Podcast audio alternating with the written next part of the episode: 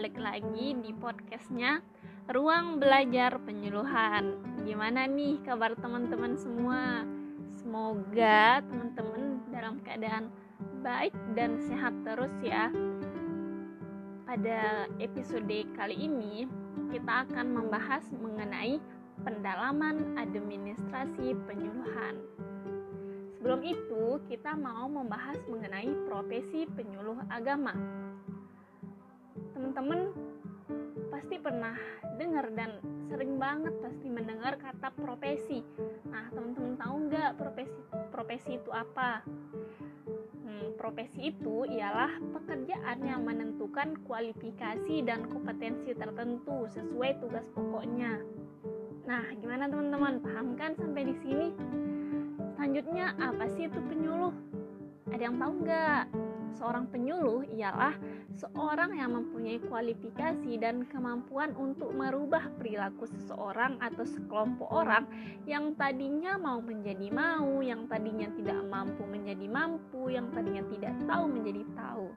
Nah, sedangkan agama itu apa sih? Agama ialah kegiatan bimbingan melalui bahasa agama jadi udah dapat disimpulkan sebenarnya profesi penyuluh agama itu apa. Profesi penyuluh agama itu mempunyai dua tugas, teman-teman. Yang pertama itu tugas agama, yaitu amal ma'ruf dan nahi mungkar. Seperti dakwah dan tugas negara itu ialah melakukan bimbingan dan penyuluhan agama serta konsultasi dan pembangunan melalui bahasa agama. Selanjutnya teman-teman, ternyata ada istilah-istilah keprofesional loh.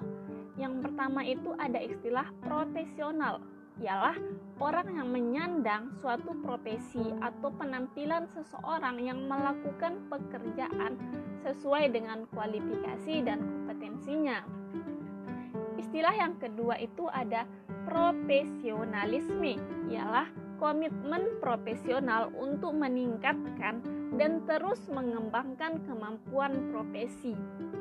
Yang ketiga ada istilah profesionalitas ialah sikap para profesional terhadap profesinya dan derajat pengetahuan dan keahlian yang dimiliki seseorang dalam rangka melakukan pekerjaannya.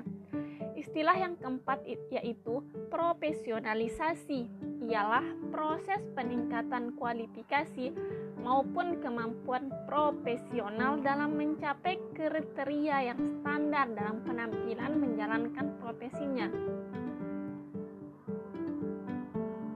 Kita ingin menjadi penyuluh agama yang profesional, tentunya kita harus memiliki tiga syarat utama, seperti tahu, mau, dan mampu. Lalu, dalam penyuluhan agama itu terdapat tugas, peran, dan fungsi. Tugas dari penyuluh agama yaitu seperti bimbingan agama, penyuluhan agama, konsultasi atau arahan agama, pembangunan dengan bahasa agama. Selanjutnya itu peran dari penyuluh agama itu sendiri yaitu komunikator dan edukator, fasilitator, motivator, inisiator, stabilisator, dan lain-lain. Selanjutnya itu fungsi dari penyuluh agama itu yaitu informatif, edukatif, konsultatif, dan advokatif. Teman-teman, ada yang namanya evaluasi penyuluhan agama.